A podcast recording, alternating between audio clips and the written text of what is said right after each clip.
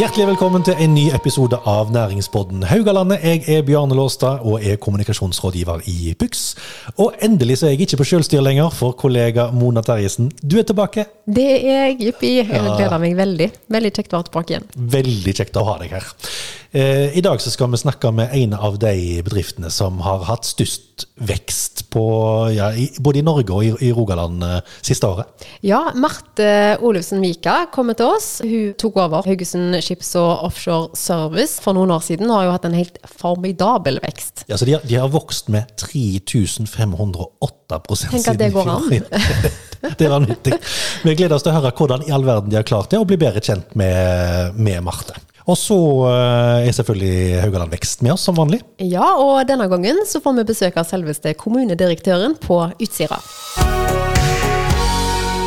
Mulighetsutvikler i Haugaland Vekst, Tora Eide. I dag så skal vi snakke om den vestligste kommunen på Haugalandet, der eh, det kan skje utrolig spennende ting i årene som kommer. Ja, det er ekstremt spennende med Utsira kommune. Der eh, får de en havvindpark. Verdens første flytende havvindpark. Rett ut forbi stuedørene sine. Så i dag har jeg med meg eh, en gjest som gjest. Det er May-Britt, kommunedirektør på Utsira. Velkommen til Næringsbåten Haugalandet, May-Britt eh, Jensen. Takk for det. Hva kan denne havvindutbygginga bety for, eh, for Utsira? Vi har store forventninger, men vi føler òg ansvar for at Haugalandet og landet og verden skal få mer ren energi. Dere har alltid Så jeg Så vil bare si det først. Utsira gir energi, det er vårt motto. Og det gjelder folk, og det gjelder praktisk i form av ren energi. Eh, dette vil jo komme i hele, hele solnedgangen vår. Så det er et ganske stort og merkbart inngrep eller forandring. Men det er valgt å ligge der fordi det ikke er så konfliktfylt i forhold til eh, fiskeri, og det bryr vi oss veldig om. Og vi eh, håper at vi skal få en ny utvikling på linje med sildefiskeriene på, eh, på 1800-tallet og langt framover eh, med havvind. Vi forventer at vi får noe igjen i form av eiendomsskatt, og at en må se på reglene. Sånn så at eh, når de bygger ut kommuner i Innlandet, så får de eh, inntekter i form av eiendomsskatt og konsesjonsinntekter i forhold til fjellområdene. Og det tenker jeg at vi òg må ha i forhold til havet. Sånn er det ikke per i dag. Og så er det all aktiviteten det fører til. Og vi ligger jo så godt til i forhold til å komme tett ut på feltet. Så alle geografiske fortrinn som er nyttige å ha på Utsira, de jobber vi for å få plassert der. Og da er det drift- og vedlikeholdsbase. Det er et følgeforskningssenter eh, som skal samarbeide med de store forskningssentrene i Europa og Norge ellers om konsekvenser for miljø og samfunn. Det er helt perfekt å ha det der. Vi er først ut, og vi vil dele med de andre da som kommer fram. Og så snakker vi om samarbeid i forhold til droneaktører, at det kan være aktuelt. Og så er jo alt dette med samfunnssikkerhet som òg håper at eh, både Start og de selskapene som får konsesjonene til slutt, ser eh, alvorlig på. Og kanskje dukker det opp enda mer etter hvert, men uh, dette er hoved, de hovedtingene vi ser nå. Uh, vi håper at vi skal klare å skape ca. 50 nye arbeidsplasser, og det er veldig bra for oss. Ja, Det er jo kjempebra, for i, i dag så er dere rett over 200 innbyggere. Altså, dere, dere vil jo trenge litt påfyll hvis Ja. dere skal eh, Vi er vane med å svinge i, alt, i antall. Ja. Så under krigen var det faktisk 800. Jeg glemte faktisk en veldig viktig ting. Det var så, så opplagt at jeg glemte det. Og da er at det er aktuelt med en trafostasjon for å samle alle kablene som kommer inn, og få litt lettere innføring og mindre konflikt med fiskeri og natur lenger inne. Så en trafostasjon på Utsira jobber vi òg med. Det er ikke fordi vi ønsker den trafoen så veldig sterkt i landskapet vårt, men når vi får lagt den godt til, så skal det gå veldig fint. Mm. Men, men hvordan skal dere klare å posisjonere dere for å, for å kunne dra mest mulig nytte av, eh, av denne havvindutviklinga? Jeg føler jo at vi er ganske godt i gang, og den siste god hjelp av eh, Haugaland eh, Vekst og andre venner. Veldig Utsira har mange venner. Så den siste mm, tegnet på at vi er på rett vei, var jo at vi hadde besøk av olje- og energiministeren for ganske kort tid siden. Alle konsortiumene har stort sett vært der, og nå begynner de å komme for andre og tredje gang. og vil òg møte befolkningen og ha kommunikasjon. De ser mulighetene, rett og slett? Ja, jeg tror det. Eh, vi håper det. Og, og det som du sier, dere er jo avhengige da av, av den entusiasmen som dere allerede har, har der ute. Men samtidig så, så er det som du innleder med, at det, det, det er ganske store inngrep for, for dere. Dette er, er alle eh, som bor på Utsira for eh, havvindutviklinga? Ja, eh, det er en sånn nøktern realisme blant folk, sant? Så, så er det sånn at ja, det blir inngrep, og det kommer til å påvirke oss, og solnedgangen blir aldri lik, eh, eller iallfall ikke første generasjon av, den, av, av vindmøllene. Men eh, lokalbefolkningen er veldig åpne og positive, og syns det er veldig kjekt at det skjer, eh, ja, at det er litt håp og ny giv. Og jeg representerer jo kommunen, og da er det kommunestyret sitt ord som er gitt, og der er det enstemmig positiv vilje til dette. Og det har vært hele tida, det er ikke noe som kommer akkurat nå. Det har liksom vært sånt siden ja, nasjonen lagde den første, første runden. Og så er det nok folk som eh, er kritiske, som har et tett forhold til Utsira, men ikke, blant, ikke kommunestyret, og, og ikke så jeg kan se blant de fastboende. De, de må jo få lov å være litt motstand. Det, det er bra med motstand òg, for å få beste ut av det. Mm. Og så er det jo sånn, Tor, at fordelen med flytende eh, havvind eh, er jo at eh, det ikke blir montert fast. Det kan flyttes med, med tida. Det kan det, men det er nok et enormt nettverk av kabler. Det skal jo forankres i bånn, dette òg. Så det, det er ikke bare uten, uten inngrep. Det som er kult med at det er flytende, er jo at det er et stort og kult innovasjonsprosjekt. Det er jo ikke gjort før i den skalaen. Så det at eh, vi får first hand kunnskap om flytende teknologi, det er bra. Det er spennende. Og der skal vi bidra til at det blir spredd. Utsira og Haugalandet skal bidra i Norge og verden. Da ønsker vi lykke til og krysser fingrene for at uh, dette kommer til å gi Utsira mye godt framover. Hun starta yrkeskarrieren som kontormedarbeider hos faren sin i A. Olufsen Skip og Offshore, og har jobba i mobilselskapet Easyfix. Eh, De siste ti årene så har hun spesialisert seg innenfor HR, personal og bemanning, bl.a. i multivedlikehold, Aker og Adecco. Og i 2019 så overtok hun som daglig leder i Haugesund Skip Offshore Service AS, som i år topper vekststatistikken i hele Rogaland. Velkommen til Næringspodden Haugalandet, Marte Olufsen Vika. Tusen takk. Du, dere hadde en omsetningsvekst i fjor på vanvittige 3508 eh, best av 335 gasellebedrifter i Rogaland, og på 13.-plass i hele landet. Hvordan kjennes det? Todelt. Eh, først av alt så syns jeg jo at teamet har gjort en fantastisk innsats. Ja, så jeg er veldig stolt av dem. Personlig litt vondt. På, på hvilken måte? Det har vært eh, veldig, veldig mye jobb. Ja, det har rett og slett kosta. Det har det. Hva, hva mener du med mye jobb? Jeg har ikke gjort noe annet enn jobber. Blir det mer enn du hadde sett for deg? Ja, uten tvil. ja, helt uten tvil. Men vi må ta litt historikk eh, først, eh, Martha. Så, eh, Haugesund Skip Offshore Service ble starta i eh, 1993 av din far Arne og hans bror Gunnar Olufsen. Men så har selskapet vært sovende i, i en god del år, før, før du da ble ansatt som daglig leder i, i 2019. Og da fikk selskapet helt nytt innhold, og, og ble et uh, bemanningsselskap for den uh, mekaniske industrien. Fortell litt om oppstarten. Det begynte vel egentlig med at far hadde lyst at uh, Haugesund Skip Offshore skulle få nytt liv, og at vi skulle leie ut arbeidskraft til AO Olufsen. Og så hadde jo jeg selvfølgelig lyst til å gjøre noe helt annet i tillegg, for jeg syns det ble litt lite. Og så balla det jo veldig, veldig på seg, da. Ja, for, for du kom da fra, fra bemanningsbase, for du hadde jobba i Adecco, så, så du, du, kunne litt om det, hadde, hadde gode kontakter. Eh, men, men hvordan var det å starte? Altså, allerede det første året så, så ansatte dere eh, 140 mann, var det det? Det stemmer. Hvordan fikk dere det til? Jeg tror mye av det er på rykte, rett og slett. Eh, vi var veldig privilegerte at vi fikk veldig gode folk med oss i starten. Og de skrøt jo veldig, så det var lett å rekruttere. Det har veldig mye å si.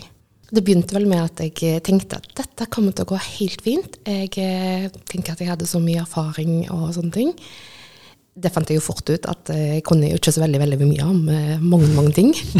Annet tariff, eh, som har vært utfordrende å sette seg inn i. Ja, for det står det en del om på sidene deres òg, dette med tariff. At dere har tariffordning. og Fortell litt om, om det, hvorfor det er så viktig. Jo, det er jo veldig viktig at det blir lønna rett, ikke minst. Ja, Og mye å ha kontroll på og styr på. det er det. Nå er jeg heldigvis de fleste gjennom Fellesforbundet, og ikke LHIT. Det er jo en mye mer avansert avtale. Men du, vi snakker jo om altså, at du, du hadde den erfaringen og den kompetansen og dette her, som du sier. Men, men hvor alene har du vært egentlig i denne oppstartsfasen? Har du, hvem har du hatt med deg? var veldig veldig mye alene i begynnelsen. Og så heldigvis eh, etter et halvt års tid så fikk jeg jo flere med på laget. Det var jo veldig bra at jeg fikk med flere. Eh, Men det var, har jo vært en bratt læringskurve, hvis man kan si det sånn. Og familien har sett lite til deg, eller? Ja, det har de, men jeg lærte ganske tidlig at eh, forventningssamtaler er veldig bra. Så vi hadde jo hatt forventningssamtaler da rundt middagsbordet om hva de har å forvente. Hvilken type bemanning er det dere leverer? Leverer eh, primært sett på sorte disipliner og ISO. Sorte disipliner. Ja, det er rørleggere, platearbeidere, sveisere, riggere. Og ISO, da er det jo helstillas og overflate. Hvem, hvem er de typiske kundene? Det er jo store skipsverft i Norge, og så er det jo store oljeselskap. Det, det er jo mange som, som leverer bemanning etter hvert. Eh, Hva, hva er Haugesund Skips Offshore Service sine største konkurransefortrinn, tenker du? Jeg tenker at vi er fleksible. Det er en av de største fortrinnene våre. Og vi snur oss raskt rundt, for vi er en liten administrasjon. Vi leverer alltid. Når vi sier vi skal levere, så leverer vi.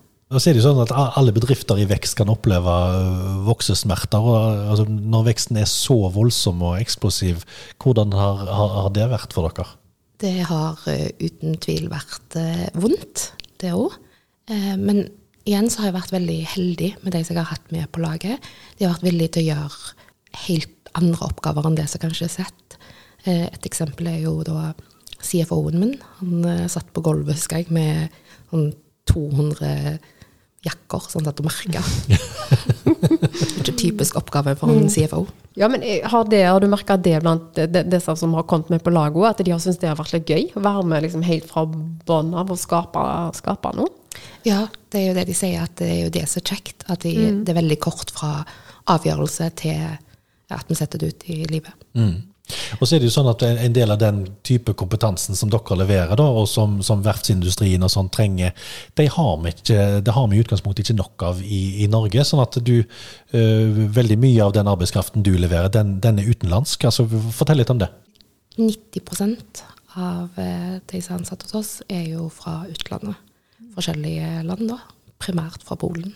Og det gjør det sikkert mye enklere. Ja, det er helt skjønt. Nei, i, I hvilken grad har det vært uh, altså Er, er det kompliserende? Nå har jeg jobba med polsk i veldig mange år, så jeg syns det er veldig greit å forholde seg til. Men det har jo helt klart vært utfordringer. Covid annet. Og så er det jo alltid språkbarrierer, da. Du var inne på dette med, med pandemien. eh, Det må jo ha vært utfordrende når, når du da har polsk arbeidskraft som, som eh, gjerne er hjemme i Polen, og så skal, de, så skal du ha de inn til, til Norge, og så eh, Ja, det var ikke bare bare under pandemien. Nei, jeg tror eh, jeg snakker for alle i, oss i HSVS da, at eh, under, eller 2020 og 2021, det er bare et svart hull. Mm. det var så mye regler som endra seg hele tida. Det var utrolig utfordrende å følge med på hvilke regler som var gjeldende. Det tror jeg det gjaldt for alle. Det Grensepolitiet var jo helt ør i hodet, de òg. Men, men dere må jo ha fått det til? altså det, det, det er jo i denne perioden dere har hatt denne enorme veksten. Ja, det var mange kreative løsninger. Som for eksempel For eksempel når eh, vi fikk beskjed om at landet skulle stenge grensene, så jobba vi vel veldig, veldig hardt i ett et døgn på å få mest mulig inn i landet. Hvor- Hvordan gjorde dere det? Eh, Vi hadde noen som tok fly, eh, noen som tok eh, båt til Karlskrona fra Gdansk. Og så hadde vi noen som hadde sånn rundtur eh, gjennom Finland og litt sånne ting. Så og så stoppet vi en god del, da. Så spurte om de kunne bli igjen. Ja, for det- det var vel ikke bare for de å reise hjem igjen, da, da, da, da møtte de jo på samme type problematikk igjen når de skulle tilbake? Og mange av de hadde jo lyst til å bli, for de var jo redde for jobbene sine. De har jo, de har jo familier å forsørge, så de var jo redde for å reise hjem og ikke kunne komme inn igjen. Men det skjer jo enormt mye spennende eh, her på Haugalandet for tida, og i Rogaland. Hvordan ser dere på oppdragsmengden framover? Kan dere plutselig vokse like mye eh, i tida framover òg? Nå eh, er jo ikke 2022-tallene klar, men det blir spennende å se hvordan det ender. Hvordan ser det ut, da? Det er ganske tett opp mot eh, fjoråret prosentvis. Oi, oi, oi. Så dette, dette bare fortsetter. du har hatt et heftig år i 2022, da i hvert fall. Det har det. Men framover, da? Hva blir de største utfordringene, tenker du? Jeg er veldig spent på eh, de nye lovendringene som kommer på innleie. Så det skal bli spennende å se hva som skjer. Ja, For, for det kan rett og slett bli, bli mye mer komplisert enn det er i dag. Ja, det kan det. Hva, hva, hva er det du frykter mest? Jeg håper at uh, norsk industri eh, får uh, gjennomslag for at uh, industrien får fortsette. Men jeg er jo helt klart for uh, strammere regler, at useriøse aktører ikke får lov å leie ut. Går det an å forberede seg på noen måte, i og med at du ikke aner hva scenarioet egentlig kommer til å bli? Hvordan, hvordan tenker dere da? Det har vært veldig, veldig lite informasjon om hva som egentlig kommer til å skje, så vi har bare fulgt med på disse medlemsmøtene til Norsk Industri, egentlig. Når tror du at dere vet mer? Nå skal det være et nytt møte 6.12., og det blir spennende å se. Mm. Og så er det jo sånn, når, altså, hvor- mange ansatte er dere i uh, Haugesund Skip Offshore Service i dag? 700. Og dere starta i 2019. Men alle er fast ansatt. Alle er fast ansatt. Men 700 ansatte, Marte. Altså, du, du kan jo umulig kjenne alle de. Jo, jeg gjør faktisk det, altså. Gjør du det? Jeg, ja, jeg møter alle når de er på rotasjon. Det gjør jeg. Um, jeg vet utrolig mye om de, så jeg kanskje ikke burde vite, men jeg vet eh, veldig, veldig mye om de. Hva, hva, hva forhold får du til, til de ansatte på den måten? De som har vært lengst hos meg, har jo veldig godt forhold til. Vi Vi har jo truffes veldig mye, bl.a. i covid, når de var i karantene, eller når de var i friperioder, ikke i karantene, når de var på friperioder. I Haugesund så var vi veldig mye sammen. Ja, og jeg, jeg, vet at i, i starten så satsa du litt på, på pølsefester. eh, Det er vanskelig med 700, i hvert fall hjemme Ja. og sånt. Ja. Mm. Men eh, vi har gjort det veldig mye artig. Vi har eh, stilt i bunader på 17. mai for de som var her på friperioder. Veldig mye sushikvelder, og fisking, ikke minst. Men opplever du da de, de type samlinger, eksempel, tenker du det som jobb, eller, eller for, klarer du å kose deg med det du òg? Begge deler. Det er jo jobb, men eh, selvfølgelig så kan du nyte det selv om det er jobb. For det jobber jo bare kjekke folk der. Ja, selvfølgelig. Ja. Det er vel rett Marte, å si at du på mange måter har vokst opp i A. Olufsen eh, skip offshore, som din far Arne starta på slutten av 70-tallet, bare to-tre år før du ble født. Lå det litt i kortene at du skulle inn i familiebedriften når du ble voksen? Jeg har jo aldri følt på et press at jeg måtte det. Jeg har alltid stått veldig fritt til å gjøre hva jeg ville. Men så har jeg vært enebarn, så det har kanskje på en måte ligget i kortene, men allikevel uten noe press. Ja, Det har aldri vært u uttalt fra faren, men, men du, har, du har kanskje kjent litt på det sjøl allikevel? Ja, kanskje han hadde sånn baktanke når han lærte meg å sveise. Kanskje lå noe der. Det er nå du begynner å legge alt sammen. Men, men, men, men du, var, du, du drev og kokte kaffe allerede som femåring? Ja. Ja. Så du har holdt på en stund? Ja. ja. Men det blir jo gjerne sånn med sånne familiebedrifter, at det er det, det går i liksom, rundt middagsbordet. Og har det vært sånn hjemme hos dere? Ja, og mor jobba jo òg i eh, samme firma, så det var jo veldig mye snakk om eh, jobb, da. Jeg eh, pleide å si til mor når hun var litt, sånn, litt lei for at det ikke ble helt sånn som jeg hadde planlagt, og så pleide jeg alltid å si at men det går helt fint, vi kan leke at vi har en pappa. ja. men men har, har det hatt noen innvirkning på hvordan du sjøl sjonglerer dette med jobb og familie? Ja, det er jo uten tvil. Og så er det- har du noe med arbeidsmoral òg. Vel, vi går hjem når jobben er gjort. Mm. Men, men du sa, sa jo tidligere at du, du jobber hele tida. Har du egentlig lært noe? Nei, kanskje ikke. Men vi har forstått at eh, tredje generasjon er jo allerede på banen her. Dattera di Edda har begynt i bedriften. Ja, det har hun. Det har hun andre dattera mi òg, Ylva. Ja. Så begge to jobber der eh, mens de studerer. Det er viktig å få de tidlig inn. Ja, sant? Så da, er dere tre, tre generasjoner Olufsen. Når, dere, når du starta, eller når- når du ble daglig leder i firmaet, så holdt dere til på Killingøy, men nå har dere flytta. Ja, nå er vi på Raglamyr. Vi trengte litt mer plass. Og hvor finner folk dere da? Vi er jo i kombibygget. Det har blitt kjempe, kjempefint. Eh, Veldig fornøyd med lokasjonene. Men hvis vi skal snakke litt om deg som leder, da, Marte. Hva er en god leder, tenker du? En god leder er ærlig, eh, utvikler seg og ser personen for den, de egenskapene de har, gode og dårlige, og setter de på rett plass. Er det, dette deg som leder, eh, tenker du, eller er det noe du jobber bevisst eh, mot? Det jobber jeg veldig, veldig bevisst mot. Hva, hva er dine utfordringer som leder, da, tenker du? Det er nok det at jeg er veldig følelsesmessig engasjert. Ja. Så jeg gjør det med hele meg, eh, og det er på godt og vondt. Det, det, det er noe alle merker? Ja. Ja. Eh, nå har vi snakket mye om hvor mye du jobber, men, men, eh, og, og du sier selv at du jobber hele tida. Men er det av og til at du klarer å koble helt av? Altså, det, er, hva, hva gjør du hvis du ikke skal jobbe? Sove? Ingenting annet i vår, vår våken tilstand? Du har ingen sånne sære hobbyer, eller er du er glad i å lese, eller uh, gå deg en tur, eller Nei, jeg har ikke hatt tid til noen ting annet i de siste årene, så jeg har ikke det. Jeg kan ikke Er det noe du savner, da? At liksom, dette skulle hatt litt mer tid til? Jeg tror det har noe med at, du, at jeg var veldig bevisst på hva jeg gikk inn i. Så jeg visste hva det ville koste. Selvfølgelig ikke så mye som det har kosta, men jeg visste hva, gikk, hva jeg gikk til. Men ja, ja, selvfølgelig, jeg skulle selvfølgelig ønske at jeg kanskje hadde fulgt opp eh, ungene mine litt mer. Ikke vært så trøtt og sliten. Fått uh, tatt del i litt mer foreldremøter og sånne ting. Men nå følger jo ungene opp deg Ja. på jobb. Så Så det er får jo noe. dere denne eh, kvalitetstida sammen på jobb. ja. Ja. Men er du, er du en sånn type som best henter energi sammen med andre, eller når du er alene for deg sjøl? Sammen med andre, uten tvil. En sånn energivampyr. Ja. Så, så, du, så du kjeder deg lett alene, eller? Noen ting liker jeg jo veldig godt å å gjøre alene, for jeg er jo sånn perfeksjonist, så jeg liker jo veldig godt å ha orden i de Excel-listene mine sjøl. Eh, men stort sett så er jeg veldig glad i å være sammen med andre mennesker. Så du vil ha de rundt deg, men de trenger ikke snakke til deg hele tida? Mm. Mm. Godt analysert, Mona. Noen som følte seg truffet der.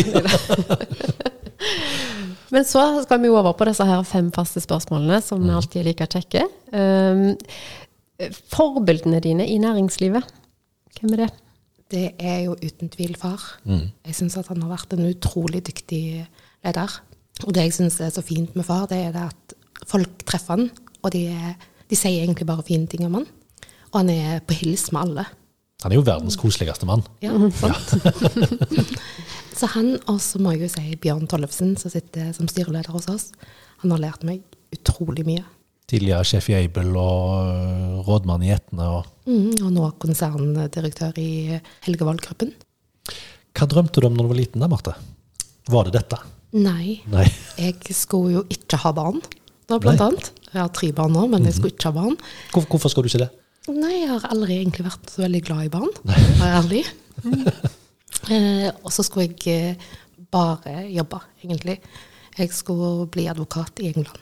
Nettopp. I England?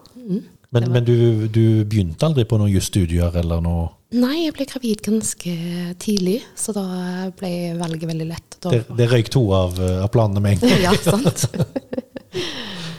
Men eh, hva er du redd for, da? Å mislykkes. Hvorfor er du redd for det? Fordi at jeg har mislykkes.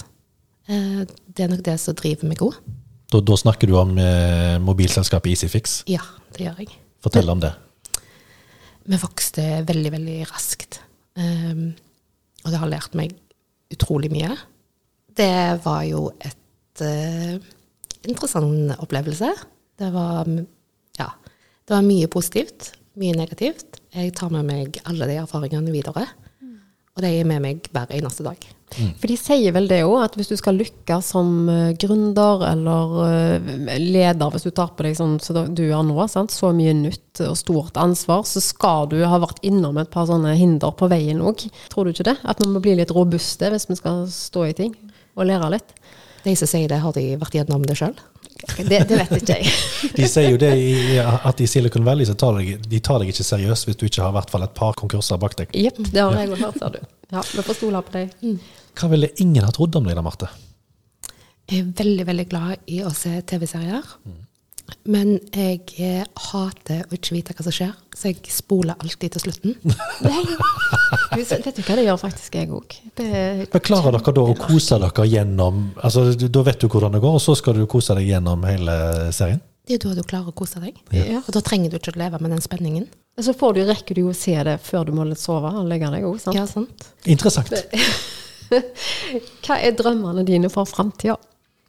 Det er jo, sånn todelt. Eh, For firmaet så er det jo Vi har jo delvis oppnådd det som vi drømte om. Det var jo å skape et firma der mennesket sto i fokus. At de ikke var tall, men at de var mennesker, og at vi kjente de. Så det er jo noe som vi jobber kontinuerlig mot. Sånn meg personlig så er jeg veldig sånn lev i nuet. Men jeg ønsker jo selvfølgelig alt godt for ungene mine. Men dette her, er du litt sånn som person, at når du har nådd det der som var et mål da, så setter du deg raskt et nytt mål som gjerne er enda litt større? Jeg er jo et veldig konkurransemenneske, så ja. Det blir veldig spennende å se hvor dere er om bare et år. Tusen takk for besøket, Marte Olufsen Vika. Veldig kjekt å ha deg på besøk. Tusen takk. Da var vi ved veis ende. Tusen takk for at du har fulgt med oss denne gangen. Og få òg med deg neste ukes episode av Næringspodden Haugalandet. Og for å få det med seg, Bjarne, hva gjør folk da? Da følger jeg Næringspodden Haugalandet på enten Apple eller Spotify, og så får en den nye episoden rett inn på mobilen. Ha det bra.